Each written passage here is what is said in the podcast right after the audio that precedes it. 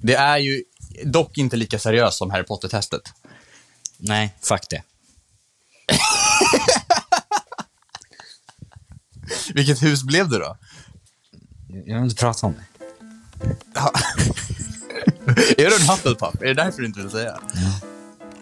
Är du det? På riktigt? Ja. Nej.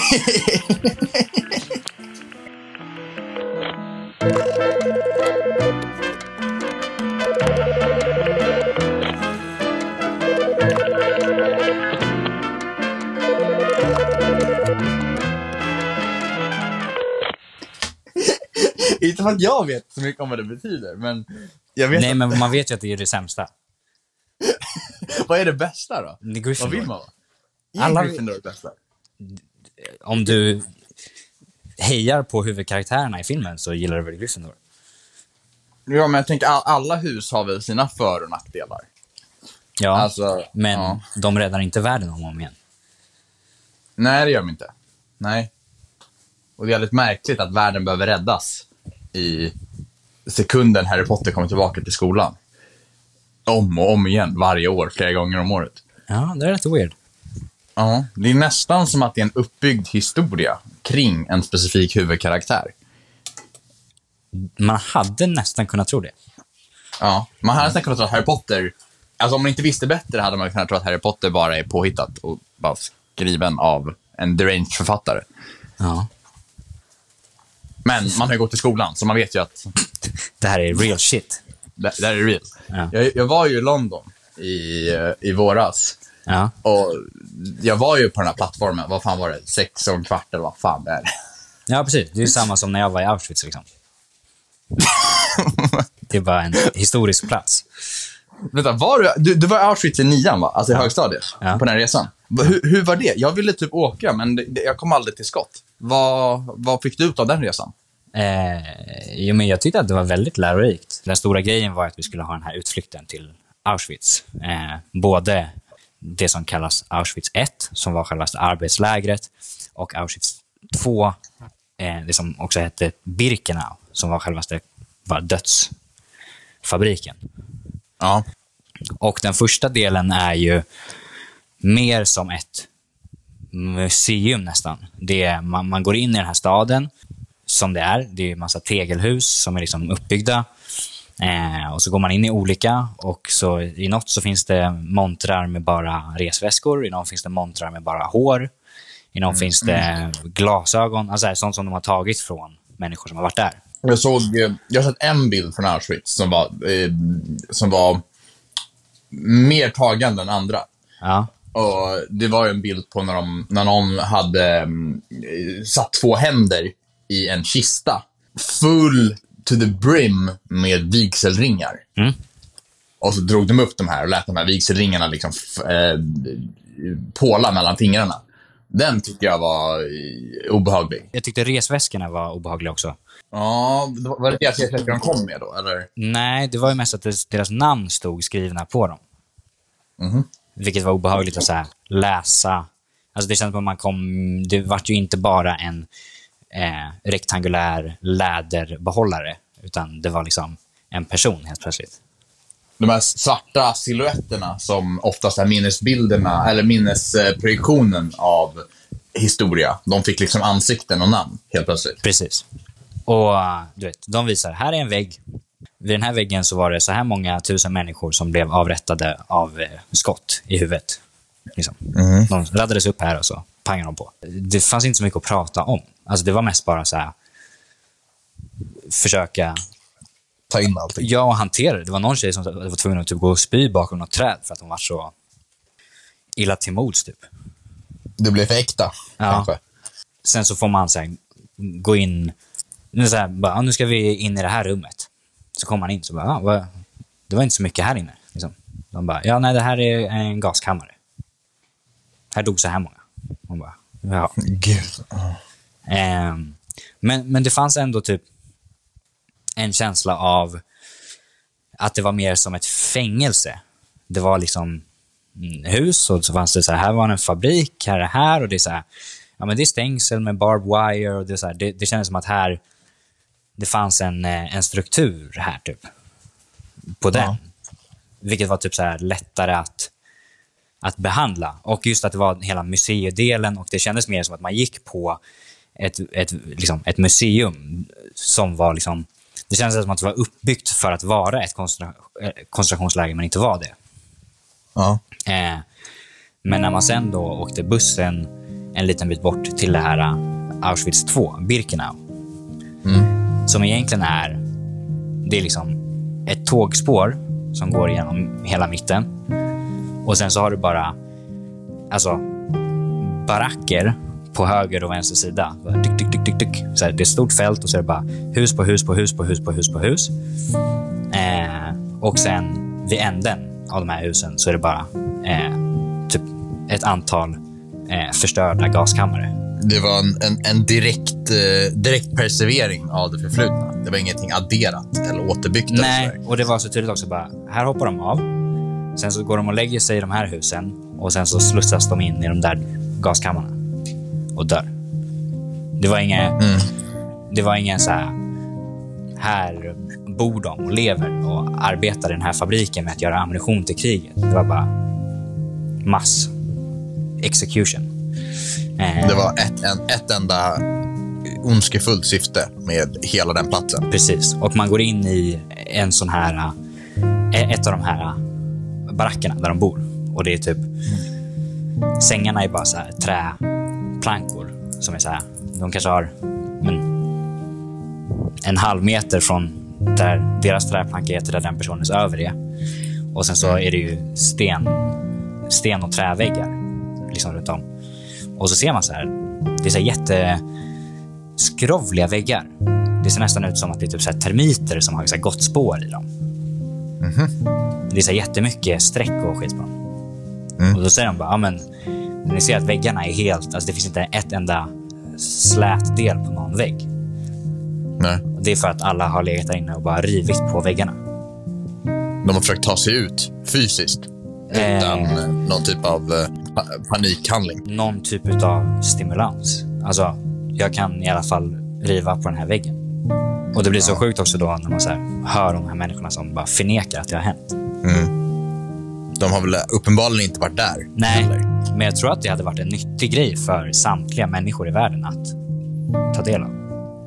Det tror jag absolut. Det är väl tacksamt att våran skola erbjöd den här resan. Mm. Så att man får en inblick i liksom, ja, Ja, verkligen. vad det var som faktiskt hände. Jag var i Anne Franks hus Mm. när jag var i Amsterdam. Eh, och Det var ju också museiaktigt och det var inte alls under samma omständighet. Det var ju så mycket turister där och allt var ju så omgjort. Men det var ändå, det var ändå någon, någon, någon känsla av att så här, jag går i fotspåren av en historisk figur som har bärt väldigt mycket tyngd för vad som har hänt. Det är ju säkert väldigt många som har liknande historier som henne.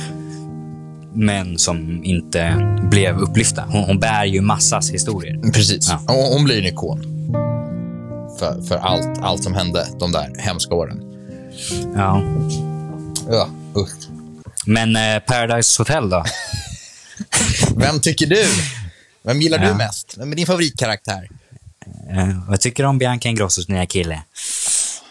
Herregud.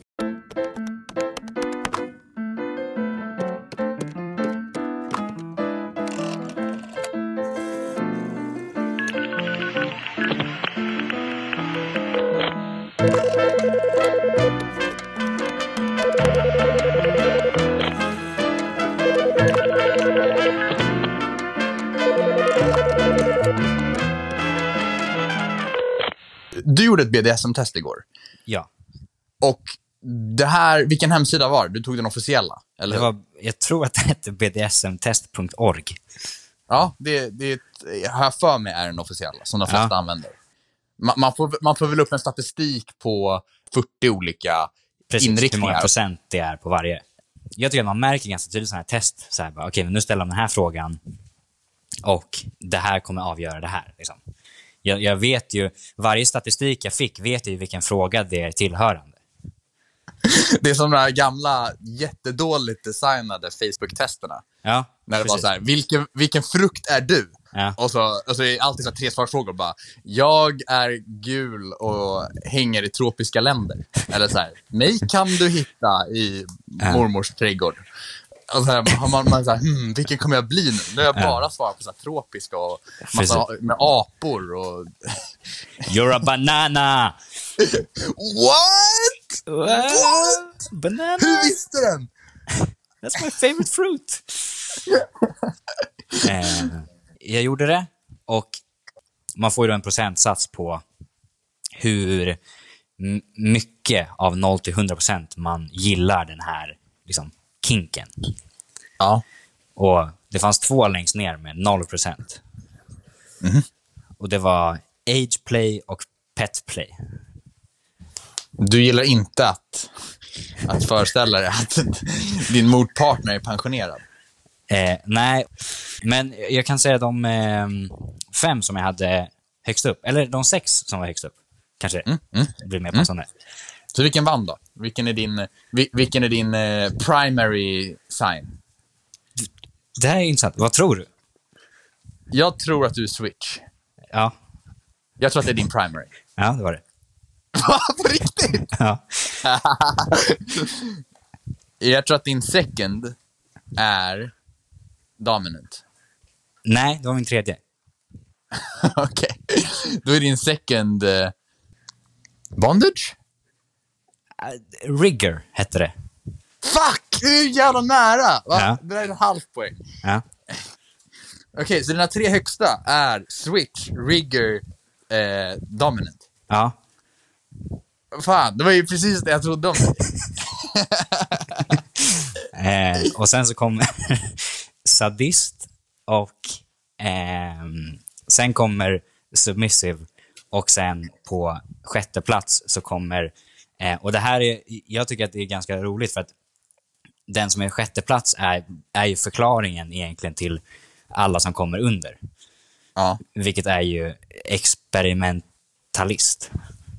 Alltså, ja jag, är, jag är ganska öppen för att testa det mesta en gång.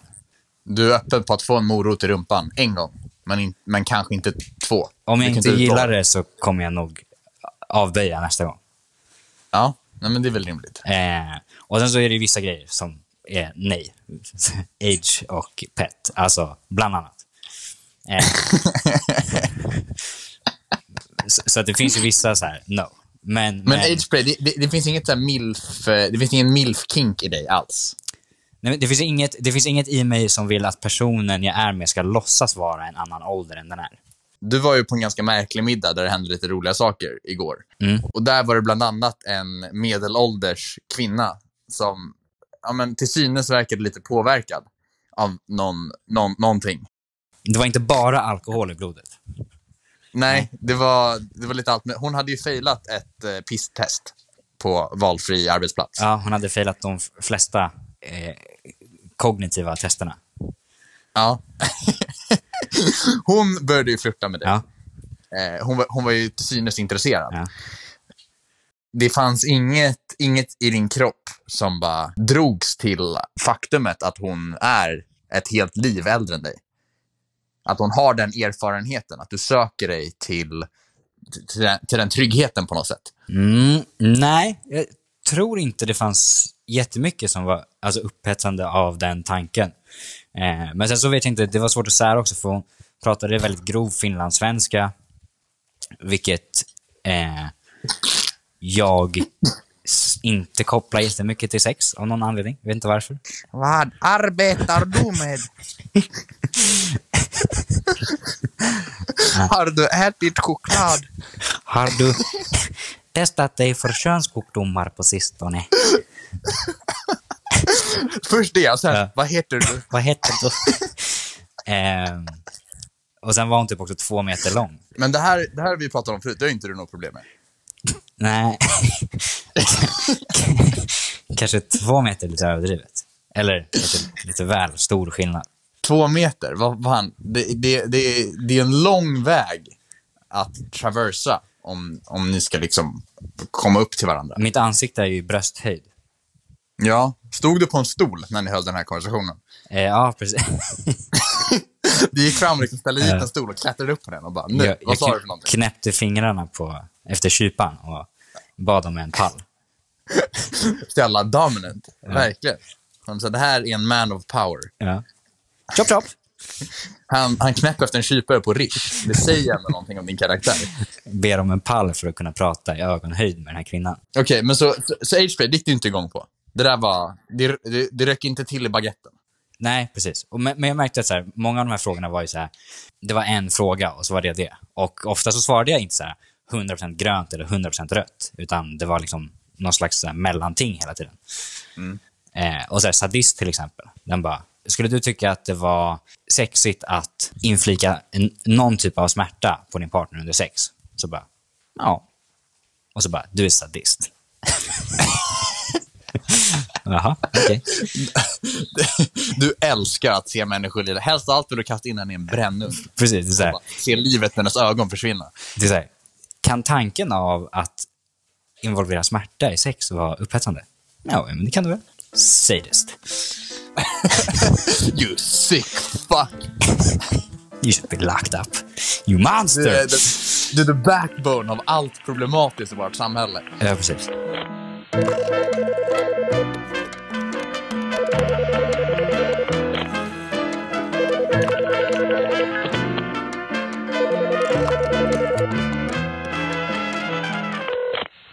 Men, ehm, ja, jag hörde att du hade fått svar från... Eh, ja, vår kompis Kalle. Fuck! ja, du, du får starta segmentet då. Ja, jag skrev ju till eh, vår kompis eh, Kalle här f- för någon vecka sedan. Hur, hur har det gått? Vad, det här är ju skitspännande. Du har ju hållit det här hemligt under Ja. den här veckan. Jag har inte fått veta någonting. Du har varit väldigt eh, nosy. Ja, men det, det, det, det kan ha gått åt helvete. Eller så kan det ha gått okej. Och det är Ja. okej antar jag att ni har bytt ut tre meningar i alla fall. Och att du vet vad han pluggar, typ. Nej, men så här, du, du skrev till honom eh, någonting i stil med Tja Kalle, det var länge sedan, minns du mig? Mm, mm. Och fick svaret, vad var det du fick? Ja, punkt. Ja, punkt. Ja. Och du svarade aldrig på det. Nej, jag blev ju lite bitter. Ja, det var ju Minst ett tråkigt svar kanske. Ja. Ja. Och du skulle då skriva samma sak. Jag skrev, eh, Tja Kalle, det var länge sedan, minns du mig? Ja. Och det här skrev du då eh, ja, för, för, för en vecka sedan eller så. Ja. Ehm, sex dagar efter att jag skickade det Precis samma som mig. Ja. Så får jag, tjena. Wow, wow, wow, wow, Ja. wow, wow. Vad känner du här när du ser notisen? Bara initial. Ja, jag, jag, jag ser att jag fått en notis från Facebook, men inte, jag hinner inte läsa att det är från honom.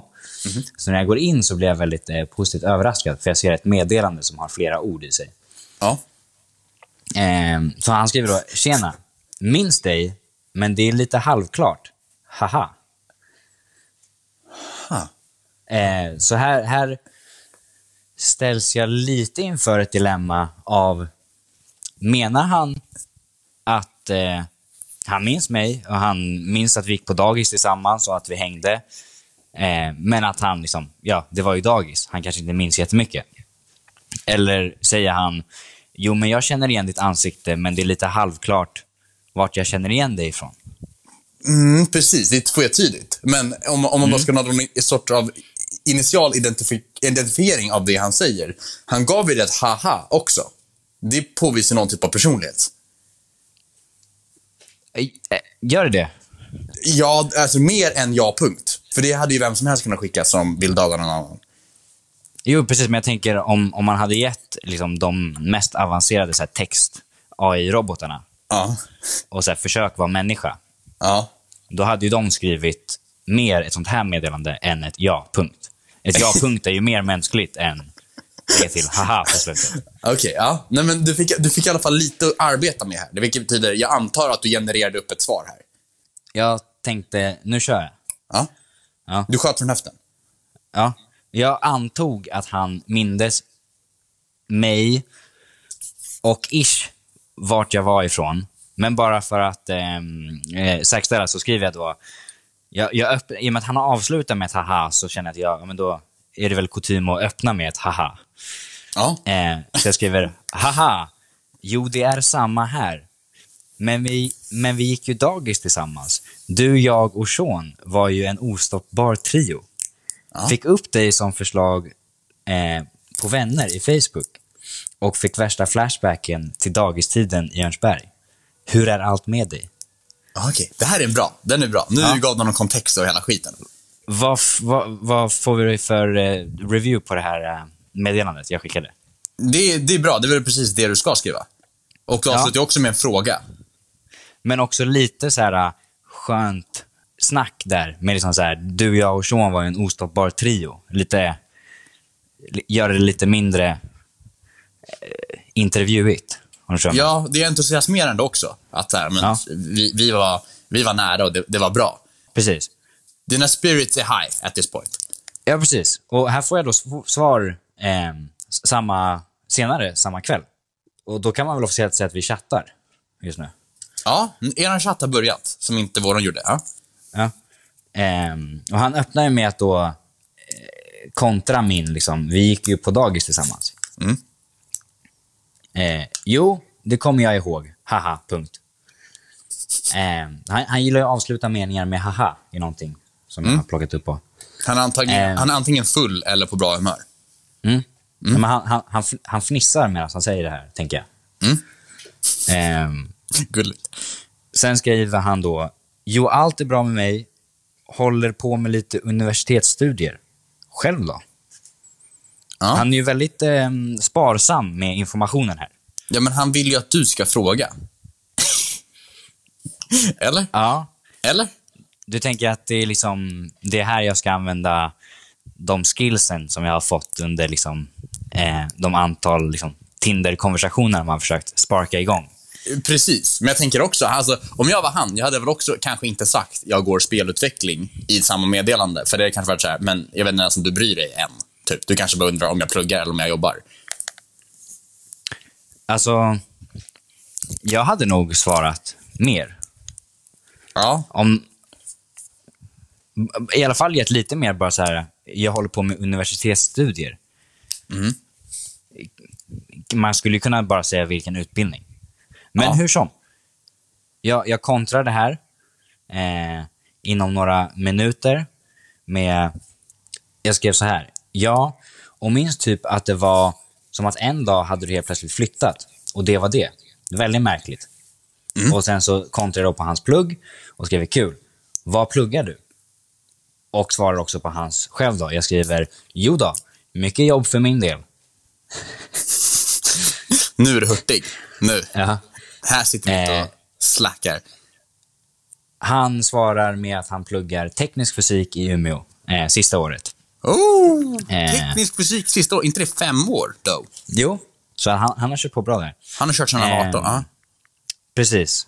Och eh, jag, jag, känner, jag känner liksom så här, nu, nu blir det kortare och kortare minuter mellan våra svar här.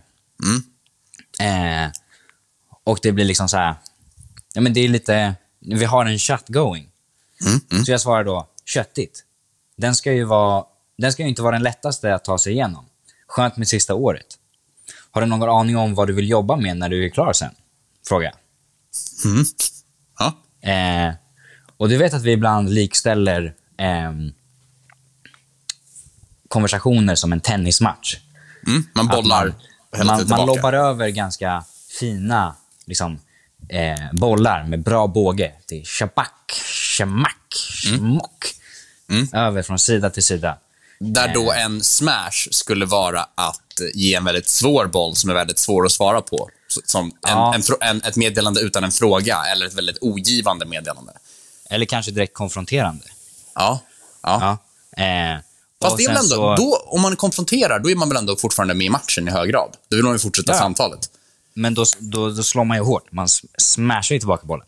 Ja. Man måste, det var en snabb eh, reflex från motståndaren som ska slå tillbaka den här. Ja, ja. Eh, men jag skickar över en ganska snäll boll här. Mm. Eh, liksom, ge honom lite beröm för att han har tagit sig igenom fyra, fem år på den här väldigt svåra utbildningen. Ja. Och bara koll, kolla om han har funderat på vad han ska göra efter. Det är ingen ondska i det meddelandet riktigt. Nej. Men här känner jag att han, han tar tennisbollen och smashar ner den rakt ner. Och liksom släpper tennisträt och går från planen. Han stirrar i ögonen medan han gör det här. Eller vad, vad är Han det säger, han... Ja. det är lite så här, det här är över nu. Han säger, ingen aning, haha. Ta det om ett år. Och vad... Ta, tar du upp tennisbollen? Då Nej, jag har inte svarat på det. b- blev du arg? Jag kände att det var en väldigt ogivande konversation där jag var tvungen att komma med mycket mer energi än vad han kom med. Ja, men då, då är det så här. Då är det så här. Eller är han bara inte en konversationist? Alltså, förstår du vad jag menar? Han, Mm. är, är han bara liksom, han, han pratar gärna med dig, men han har inte riktigt... För jag, jag, jag har en sån kompis i, ehm, i Skövde. Jätte, jätte liksom, eh, karismatisk och jättehärlig och supersnäll person. Jättesocial också.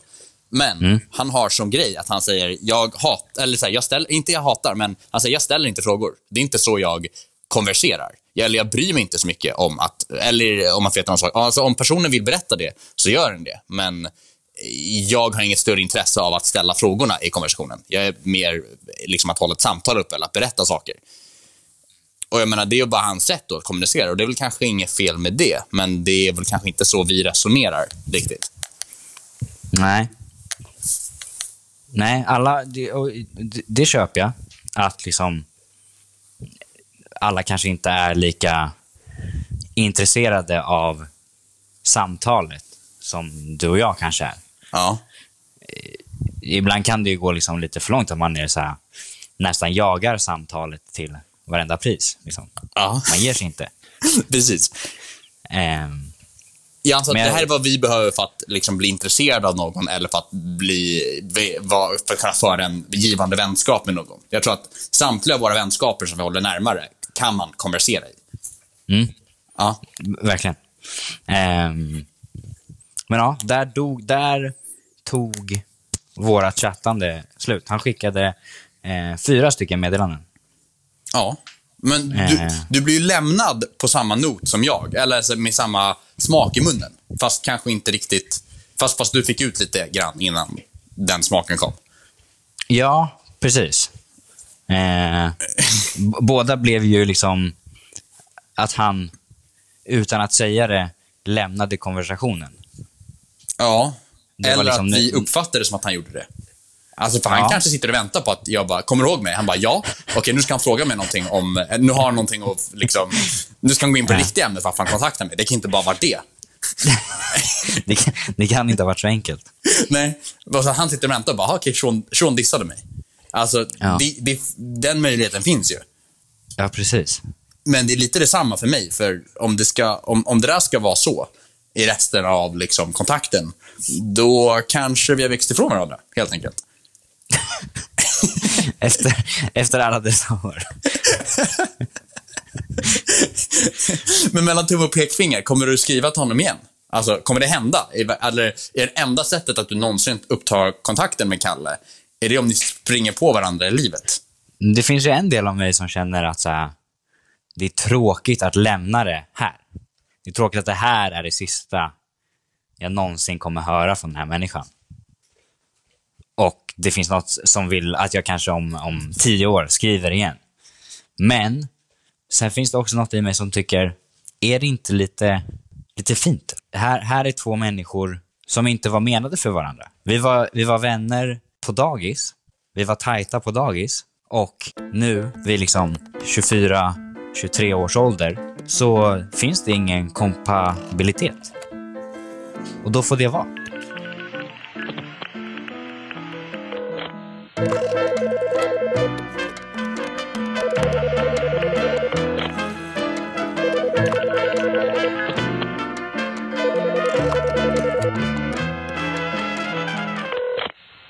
Igår så testade ju du mina parfymer. Ja, dina, dina, din parfym collection som du har samlat på dig under sommaren. Mm. Ja. Har du, har du landat i någon? Har du fått smälta dem lite? Alltså, igår så sprutade jag, jag körde ju en taktik att jag sprutade, jag, jag provade ju tre totalt. Eh, Mm. Det var kör- en som var lite mer eh, citrus, fräsch, nyduschad. Mm. En som var lite mer eh, trä, annorlunda, unik. Mhm. Och en som var lite mer man, eh, kanel och den typen av dofter. Precis. Och jag, och jag körde ju dem på, för att jag skulle kunna känna lukten av dem individuellt, så sprutade jag en på typ handloven. Jag sprutade en på armbågen på baksidan och en på överarmen. Mm. Och sen on top of det hade jag min egen parfym på mig redan, någonstans, över min kropp. Så att idag när jag vaknade upp, så jag liksom, jag, jag satte mig upp i sängen och kände att hela, hela jag och hela sängen som jag hade legat i luktade den luktade... Nej men, man kan ju gå in i ett hav av män när man går ut från gymmet ibland. De, de, precis när de kommit ut som nyduschade så står de där och tar på sig. Det luktade alltså omklädningsrum i, i hela, hela min lilla etta. Det, det var så många olika mansdofter. Ja, någon slags Frankenstein-doft som bara blir en så här, en, den ultimata bara generiska mansdoften. När man tar alla de här olika och sätter ihop. Precis. Det, var, det, är som att jag, det, det är som att det är flera personer här i rummet med mig. Det, det är en liksom sportig snubbe. Det är en, en kostym, kostymsnubbe som sitter i något hörn och sippar på en whisky. Ja. Men jag ser ingen runt mig. Det, det är där det blir dissonans. Känner du inte då att de här dofterna är liksom så här potentiella roller du kan gå in i? Vem, vem vill jag vara idag? Jo, men å andra sidan, precis, man, man, skulle kunna, man skulle kunna använda det som någon typ av så här, ja, men, träda in i olika karaktärer. Men å andra sidan, jag, är- jag är ju ute efter att hitta en lukt som är min, som du vet, folk kan associera med mig. Eh, men det kanske är en taktik att ha så här en, en, en, ett veckoutbud av parfymer. Och så kör man liksom måndagen, tisdagen, onsdagen med olika. Eller i olika sammanhang, att liksom dina eh, liksom klasskompisar i skolan, Ja. de känner igen dig med en doft. Och liksom folk du dejtar, de känner igen dig med en annan doft. Och dina föräldrar känner igen dig med en annan doft. Då blir det någonstans som ett så här, säg att du är ute med eh, en klasskompis Mm. och så ser du en eh, släkting. Ja. Då kan de liksom känna på din doft att du är i ett annat sammanhang som de inte borde injicera sig i. Att Det de inte borde gå fram och säga hej, för att de känner på din doft att Nej, men du är, du är skolson nu. Håll dig borta. Det är inte den. Ja, det är någonting annorlunda här. Ja. Alltså då om jag eh, blir, om jag vill dejta en vän at some point. Då en Då dag så dyker det- upp med en annan doft. Och de bara, wow. I don't feel the same. Precis, du behöver inte säga någonting. Du behöver bara ha en annan doft som, så här, som talar åt dig. Nu, nu är jag på datinghumör. Kan inte, kan inte mänskligheten använda sig av det här? Det är så här, måste Är det, här, vi... är det här det ultimata sättet att friendzona någon? Alltså om man, man dejtar någon och man vill säga till dem, jag vill inte dejta längre, jag vill bara vara vänner. Att man då byter från sin liksom datingparfym till sin vänparfym. om du ger, ger en review på de här tre dofterna då. Okej. Vi har en, vi har en, en, en citrus, lite fräsch, nytvättad. Vad kände du för den? det, jag, jag känner där att det, det är en person som dels luktar fräscht och är nyduschad och bryr sig om sin hygien. Men det är också en person som inte vågar riktigt eh, ta nästa steg upp i liksom, identifieringstrappan. Den, den, den, den luktar gott, men den luktar också generiskt gott. Som, som jag sa igår, jag tror, jag tror inte en enda jävla hade bara åh vilken äcklig parfym du har på dig. Men jag tror inte någon heller hade sagt var har du köpt den där? Nej, Den, Man luktar så här eh, objektivt gott, men, men bara mellan. Alltså lagom gott. Man, man, man sticker inte ut någonstans. Vad får den för alltså, siffra då? Den, 10? får en, den får en eh, 7,8. För nu, Oj. nu kör vi decimaler här. Den, den, den var ganska hög. Den, den kan jag tänka mig ha i arsenalen. Det, det kändes som att du var på väg att säga lägre. Du var liksom så här, den luktar gott men ointressant. Och så är du liksom väldigt, eh, den, den slår nära hem. Ja, men intressant. Det, är, det vet jag inte om det är det jag går för. Alltså så här, eller jo, det, det, är väl, det, det är väl kanske det man borde gå för, men eh, jag tyckte den bara, när jag sprayar på en parfym, då vill jag bara lukta fräscht. Och då, den där gör ju jobbet. Mhm. Jag vill lukta mystiskt och eh, eh, komplext. Som Ja. att det finns, en, eh, det finns en anledning att jag doftar som jag gör. Den sjukaste, Ja. som är... Det är en väldigt... jag luktar på den här en gång. Den luktar väldigt, väldigt speciellt. Ja. Men, och det är en väldigt, väldigt dyr parfym. Den doftar Vatikanen. Hur, doftar, hur doftar Vatikanen? Alltså staden i sig? Det finns en speciell doft som de sprayar på påvens outfit. Aha. Som är så här urgammal. Och det är den man får då? Den, liksom, den luktar stenväggar och gamla träbänkar. Det luktar som i en kyrka. Den är ju komplex. Den gillar Ja. jag ju. Ja. En, en parfym, man kan, man kan ju tala en historia med den. Så här, bränt trä, det är okej, men då eldat. Det, det är ju ganska brett, man kan elda mycket. Men vad händer om man adderar lukten av bränt människokött till den? Ja. Då, är det, då, då, du har gått ut i skogen och du har försökt röja undan bevis. Och det här, det här har inte gått så bra. Lukten sitter i dina kläder. Där har vi en historia. Det är väl ändå en av de, alltså, ofta som beskrivs, en av de värre dofterna på Ja. jorden. Bränt människokött. Den kan man inte missta. Då kommer jag sitta där på tunnelbanan och så kommer någon fram till henne och bara mm, du, Jag känner ju att du luktar bränt människokött. Vad har du fått tag på den här parfymen? Det är dit den här, så här jakten på mer och mer obskyra parfymer kommer leda till slut. Det kommer liksom bli den här... Det, det kommer, för, för nu är vi ju på en gräns av liksom saker som luktar gott och när de börjar gå in i de här bränt trä... Alltså man börjar använda sig av ord som inte är goda. Eh, Ja, I något hopp om att sparka någon typ av intresse. Eller, Jo, precis. Men, men det är ju fortfarande en bra sensation i näsan, även fast de är så annorlunda. Men det känns som att det här, folk vill ha en mer och mer unik doft och det kommer liksom sluta med någonstans där. Det är liksom 2040. Det är ofta att de här dofterna för en tillbaka till, till platser. Alltså jag antar att, så här, för att jag gillar citrus, jag antar att det är för att pappa ofta hade någon typ av citrusparfym när jag var liten. Och jag förknippar väl det med liksom så här, ja men, det, det är en god dukt att ha. Eller att, det, att jag förs tillbaka till barndomen. Men man kan väl, man, de här minnena behöver inte vara, de behöver inte bara vara bra. Alltså om man ska ta granlukten så kan du väl addera någon typ av så här, ja men, hur luktar glögg när man kräks upp det på golvet och någon har försökt städa upp det med diskmedel. Då har man kunnat åka tillbaka till julaftonsmorgon när morbror liksom dricker lite för många, lite för många glögg. Så alla kidsen nu kommer liksom, de kommer vilja ha parfym som luktar liksom handsprit och tvål och ansiktsmask och plasthandskar. Det ska lukta kliniskt. Alltså inte rent, utan nu, kliniskt. Nej. Disinfektion. Ja. Jag tror, att det, jag, jag tror att det är ett par människor, som, i alla fall de som använder handsprit så här religiöst nu. Jag tror att de har förknippat handspritslukten med trygghet och att de gärna hade luktat handsprit om det var socialt accepterat. Men det var parfym 1. Det var parfym 1. 7,9 av 10. Ja. Den gillar du? Parfym 2. Det var den som var, ja, det var den som var lite träig i basen, men som liksom anpassar sig lite ut- utifrån bärarens egen hud. Jag, jag, jag luktar ju på min armbåge här nu.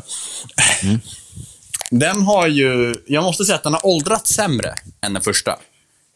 Mm. Den, efter, 20, efter 18 timmar nu, eller vad det nu är, så den, den börjar ju lukta... den ska ju lukta mörkt och träigt. Och det gör den nu, fast med hintar av kroppsodör. Det, det, det, här är en, det här är en sån parfym man tvättar av varje dag, tror jag. Ja, alltså sen så är väl eh, parfymens jobb är väl kanske inte alltid att dölja din eh, äckliga kroppsodör. Utan kanske att du är ren och luktar gott som vanligt och sen så adderar det här på, på en blank canvas. Ja, precis. Ja. Men det känns också som att olika parfymer har olika expiration dates. Så här, hur länge kan du ha dem på din kropp? För den luktar ju mycket godare igår. Ja, nej men den, den där håller inte jättelänge. Den är ganska svag i, i doften. Mm, mm.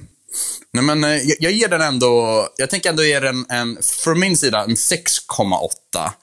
Eh, baserat då på både längd och på lukt. Om den luktade som den gjorde igår, idag, som den, fu- som den första gör, citruslukten, då hade den gjort ätit en eh, 7,8. Ja, men det, det förstår jag. Det, men det är ändå på, på den bra sidan av, av spektrat. Gud ja, alltså alla tre lukter var goda. Det var ingen som jag ogillade, eller så. Nej. Eh, den tredje då, det är den jag har på överarmen. Den är ju typ borta nu. Ja. Men, men den, har du, den sprider du väl också alltså, där du tvättar händerna? Ja, precis, precis. Eh, så där tror jag att den har, den har nog försvunnit. Eh, men det är den du har mest. Det är den här tunnan. Ja, precis. Det är min senaste. Precis, och det var den du hade på dig igår också när jag stod och väntade på dig. Ja. Den luktar ju väldigt gott. Alltså den var väldigt... Den var ju identifierande på något sätt. Ja. Så den gillade jag otroligt mycket. Eh, I alla fall också när jag sprayade på den. Men jag skulle säga att ehm, utifrån, i och med att jag kände den på dig mest, och, eh, mer än på mig själv, för det var ganska lite. Jag skulle ändå säga att det, det, det, av de tre du har, så kan det där vara den bästa. I alla fall för dig, nu när jag har känt den på dig. Mm. Eh, jag skulle ge den en åtta. En åtta. Ja, en 8,0. Och sen så vet jag inte vad en 10 av 10 parfym luktar. Det, alltså, det där antar jag slår en i ansiktet när det händer. Och det är den jakten som börjar för mig nu. Ja, precis. Jakten på, på din doft.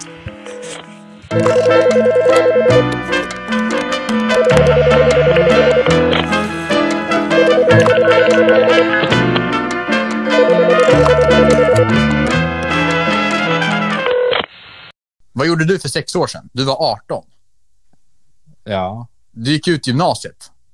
Säga, lika, så- långt bort som det känns, så långt bort är det ungefär till när familjelivet börjar. Fast det där känns som att det var bara för något år sedan. Jag vet! Det är det som är så sjukt! Det, är- det är det som, det är det som är problemet. Man, man kan liksom inte... Det, det är många år, men det, det är också rent... Alltså, ja, det har ju hänt mycket med en. Man har ju blivit en annan människa. Men tänker man tillbaka så är det ju som att det bara... Plupp. Det var ju inte alls länge sedan. Och varje år så blir livet kortare och kortare. För man, i alla fall som jag upplever det, så känns ju... Man, man jämför ju varje år med tidigare år i livet. Mm. Och när man var sex år gammal, då var ju de här första sex åren, det utgjorde ju hela ens liv. För varje år så går det ju snabbare, eller det känns i alla fall kortare i relation till resten av livet. Ja, precis. Det, det blir ju, ett år blir en mindre del av helheten. Eh, men Och det är därför jag tror att- tiden sp- speedas upp. Eller jag tycker i alla fall. Jag tycker att varje år går snabbare och snabbare. Ja, men jag vet inte om det där enbart har med hur stort ett år är i relation till helheten. Jag tror också att ens tidsuppfattning blir annorlunda. Alltså att man, man, Av vilken anledning? det vet jag inte. Jag, jag kan omöjligt tänka mig att det är bara för att, ja men alltså när man var liten så var ju en timme jättelångt. Ja. Det var ju nästan det längsta man kunde tänka sig. Om någon skulle säga att du ska sitta i det här rummet i en timme, det hade ju varit tortyr. Men Ja, ju- ja, men- jag skulle inte tänka mig att det är för att man har upplevt färre timmar. den versionen du beskriver, den aspekten av det som du beskriver, det där känns som att det har mer att göra med mindfulness överlag i så fall. Det känns som att när man är liten, är man, man är ju mer som en, man är ju närmare en hund än vad man är en människa de första åren. Man kunde ju eh, kolla på träd och trädet blev eh, ett, ett torn och sen så var det myror på det här trädet och man började pilla på de här myrorna och sen så insåg man att varenda blad i den här eken är ihoprullat. Och man undrar varför. Och man rullar ut dem och man märker att det är larver där. Det här behöver vi inte göra. Vi vet ju att ihoprullade löv på ekar kommer innehålla en larv och lite eh, silkestråd. Vi vet vad som finns där. Vi behöver inte undersöka det. När man lär sig sin miljö eller hur världen fungerar Mm. tar man in den på ett annat sätt. Men det här är jävligt intressant. Då, då, då är ju kanske en, en kul teori att testa här då. Det är, om det här är fallet, om att ta in nya saker och att lagra nya minnen och att eh, eh, försöka kartlägga hur världen fungerar. Om det gör att man upplever varje ögonblick eller varje dag som längre, för att det känns som att den är mer händelserik, kan man tekniskt sett säga att man åldras långsammare om man äventyrar. Alltså om du är ute och backpackar i Asien eller om du, säg att du hade åkt upp till Mars, till en koloni där och börjat leva ett, ett liv med syrgastuber och eh, att eh, hacka, hacka stenar.